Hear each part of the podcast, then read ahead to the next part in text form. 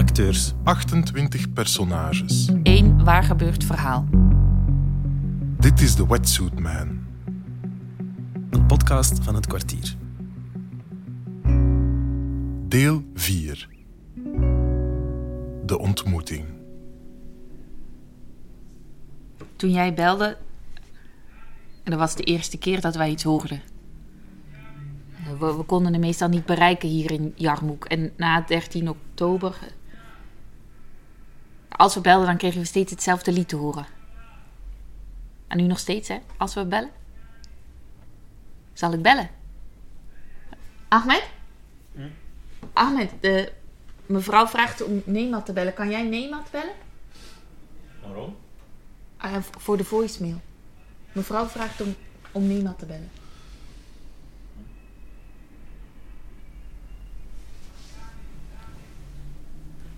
Het is aan het bellen. Ja, zet het op luidspreker.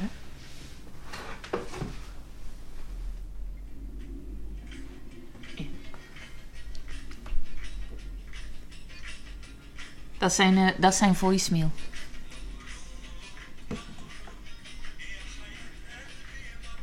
Dat is, eh, dat is mijn man. Hij, hij zingt op bruiloften. Hij zingt mooi, hè? Toch. boah. De- het is zijn job.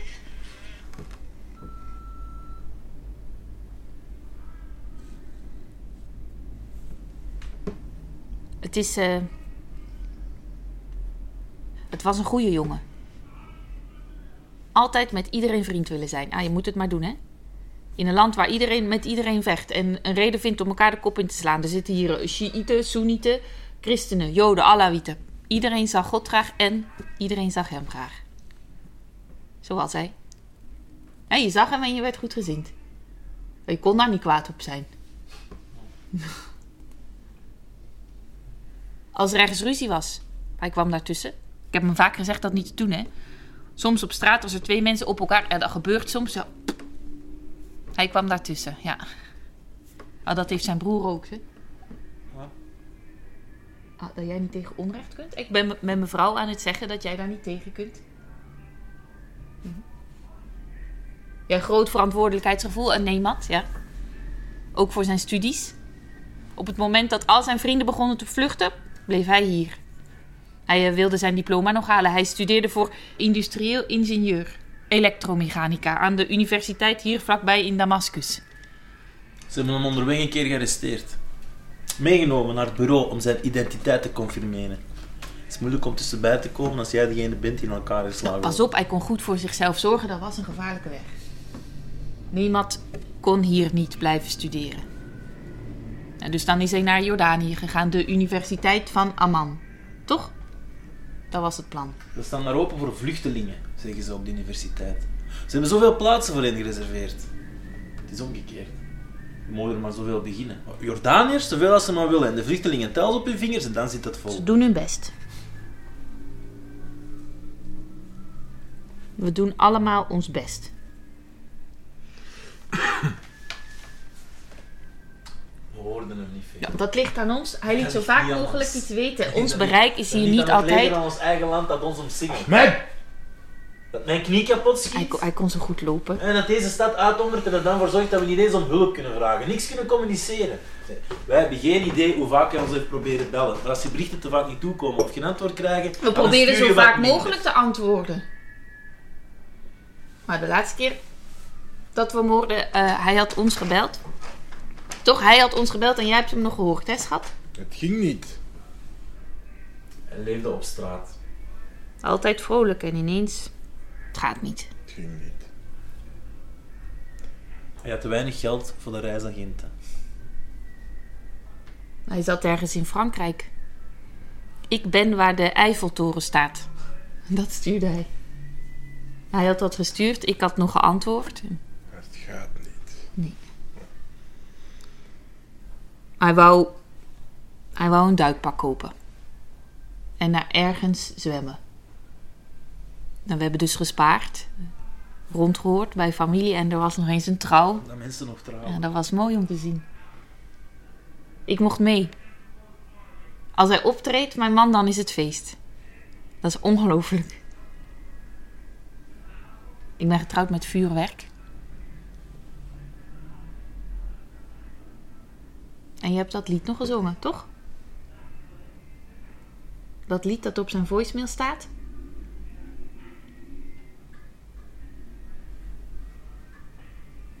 Zing nog eens.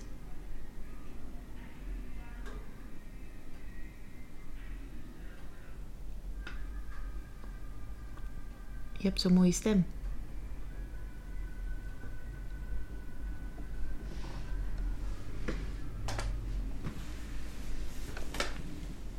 We hadden een, eh, ja. We hadden een mooie avond. We hadden weer wat geld. En eh, Ahmed heeft dan nog uitgezocht hoe we dat het snelst bij hem konden krijgen. Dat klinkt simpeler dan het is. Op 6 oktober was hij trouw. 7 oktober had niemand het geld al. Ik kon goed zwemmen. Ik ging altijd zwemmen. Tot het zwembad.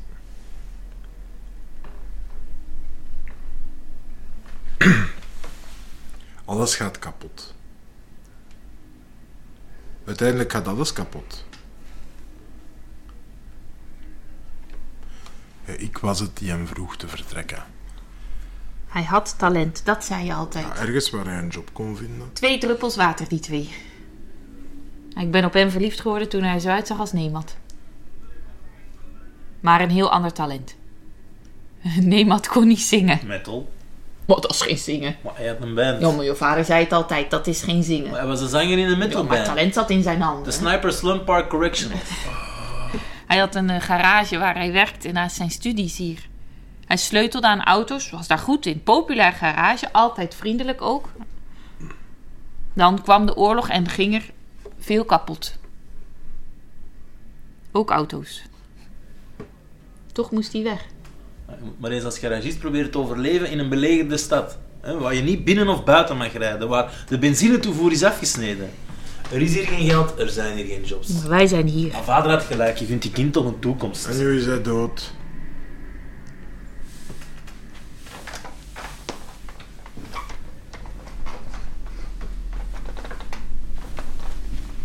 Wij hadden mijn broer al een week niet gehoord. Een week. En zelfs Mahmoud, onze oom in Engeland, wist van niks. Zij sturen normaal elke dag in, in Engeland heb je bereik. We dachten dat hij overvallen was. Je moet je geen zorgen maken. Dat is wat hij altijd zei. Als ik vroeg of hij het warm had, of dat hij wel genoeg te eten had, je moet je geen zorgen maken.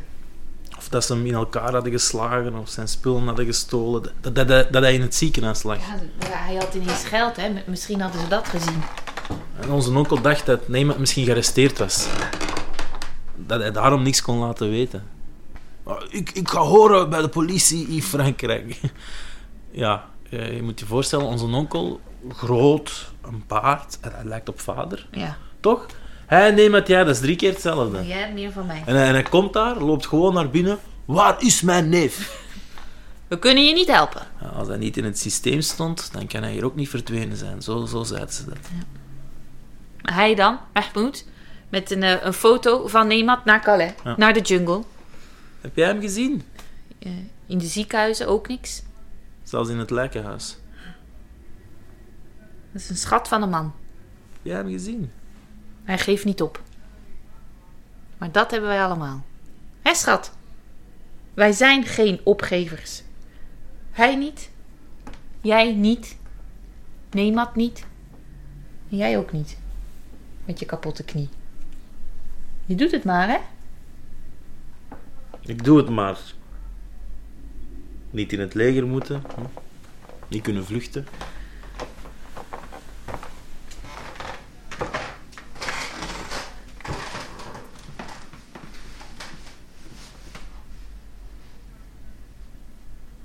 Hij zat altijd al graag in het water. Toen hij naar Italië ging, met de opblaasboot, met de reisagenten, dan stelde hij mij zo gerust dat hij wel kon zwemmen. Als hij in Italië kwam, dan ging hij een eh, garage openen. Of duikinstructeur worden, of allebei. Onderwaterlasser. Altijd plannen. Ik kon niks doen. Het enige wat ik deed. Het werd zijn dood.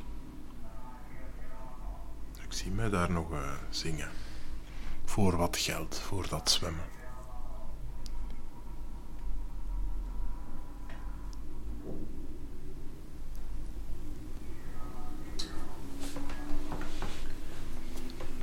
Hij moet daar iemand ontmoet hebben. In Frankrijk. Ook een vluchteling, denken ze. Verder hebben ze niet gezocht. Ze moeten elkaar gevonden hebben die spullen hebben gekocht met te weinig geld en te weinig kennis.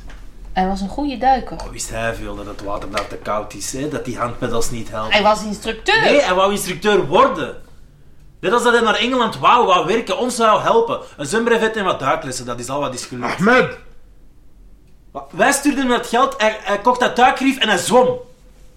Niet omdat hij graag zwom, maar omdat hij niet anders kon.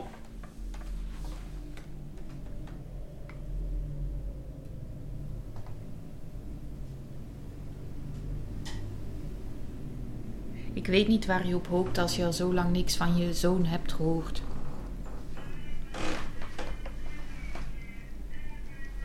Geen nieuws, goed nieuws is een mantra die na een tijd niet meer werkt. En tegelijkertijd wil je het ook niet weten. Dan komt er een journalist met een verhaal. Dus je geeft DNA af om te kijken of het hem is.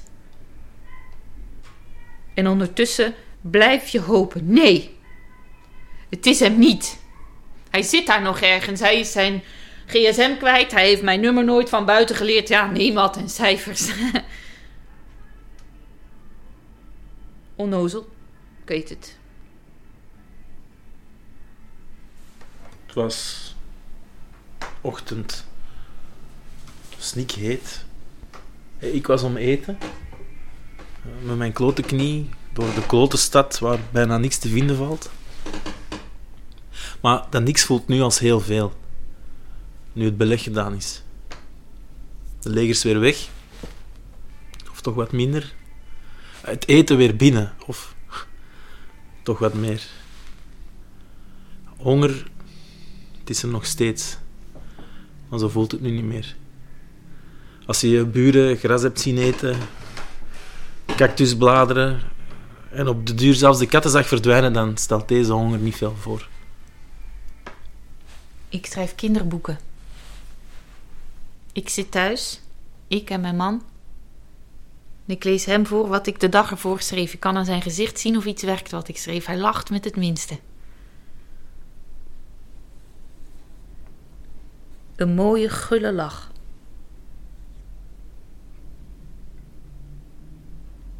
Met je kuiltjes.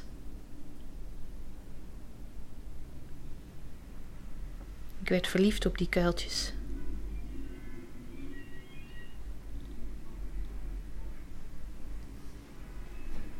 Hij is het beste publiek dat je kan wensen. Ik, tussen de massa, drommen om pakketten die het leger uitdeelde. Ja, zij onderscheppen en ze spelen even de goede. Ze onderhandelen internationaal met ons als tol. Laat de sancties vallen en ze krijgen eten. En zie, de sancties, ze vallen. Ik heb eten. Vlees. Ik heb vlees kunnen krijgen. Schaap. Feest. Ja, zo voelt het dat, dat ik in deze tijden nog, nog aan vlees kan geraken. Het is een verhaal over een beer die op zoek gaat naar een hol, want de winter komt eraan. Hij vraagt overal om te logeren. Hij gaat zo van dier tot dier. Bij de eekhoorn is het te klein. Bij de konijnen zijn ze al met te veel. Bij de povels is het te koud. Het stekelvakken prikt. En de muizen die hebben schrik dat hij hen zal verpletteren als hij zich draait in zijn slaap. Dus die beer, die doolt maar rond. En op het einde valt de sneeuw en is er niemand om hem te zien sterven, want iedereen slaapt in zijn eigen veilige hol. Hoe blij kan je zijn met wat vroeger evident was? Ik hol naar huis, zo snel mijn kapotte knie me toelaat. Niet lopen. Ja, dat zegt ze altijd, dat ik niet moet lopen. En mijn man zegt dat het hoopvoller moet eindigen.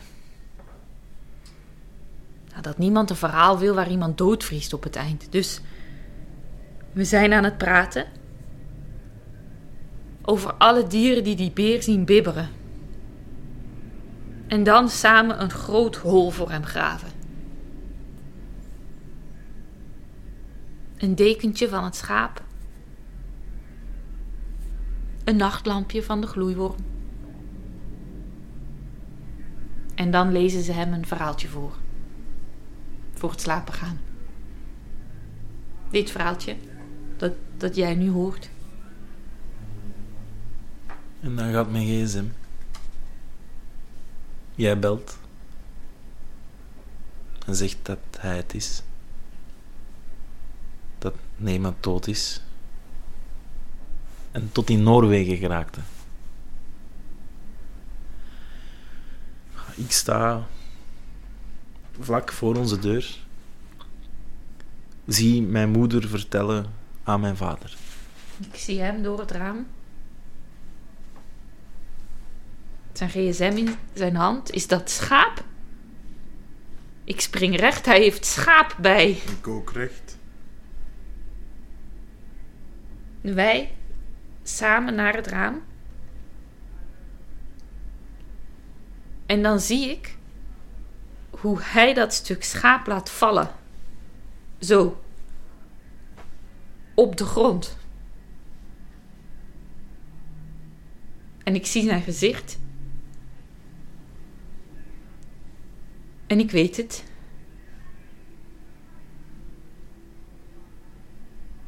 Dus ik val ook.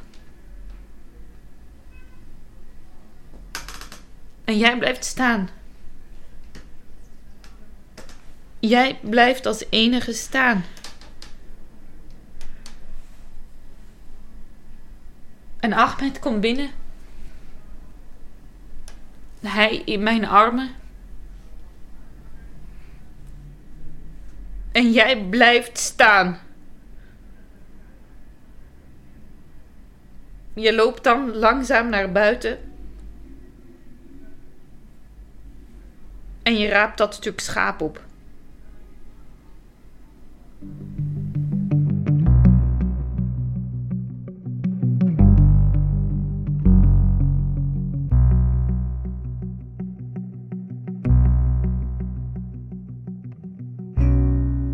Dit was The Wetsuit Man. Een podcast van het kwartier. The Wetsuit Man werd geschreven door Freek Marie. En gemonteerd door Lucas de Rijke. Robert Vervloed speelde Magnussen, de lijkschouwer, de wetsdokter, een verkoper, de redder, de politie, de hacker, de douanebeambte, de tolk en de broer. Jinka Kuitenbrouwer speelde De architect, Hust Vet, de Franse duiker, de uitbaatster van de krokettenbar, het promomeisje, de winkelverantwoordelijke, Nadine, een vluchteling en de moeder. Maxime Wallady speelde Westerman, de moeder van de Franse duiker, de jutter, de wetenschapper, de persverantwoordelijke, de hulpverlener en de vader. De opnames gebeurden door Joris Kaluwaerts en de muziek komt van Jan Sebastiaan de Geiter. Voor de theaterproductie kijk op hetkwartier.be. De Wetsuit Man kwam er met de steun van de buren. The Wetsuit Man werd geïnspireerd op waar gebeurde feiten. Personages werden samengevoegd, tijdslagen ingekort, namen veranderd, gaten opgevuld en sommige zaken ronduit verzonnen. De problemen die deze podcast aanraakt zijn daarom niet minder echt.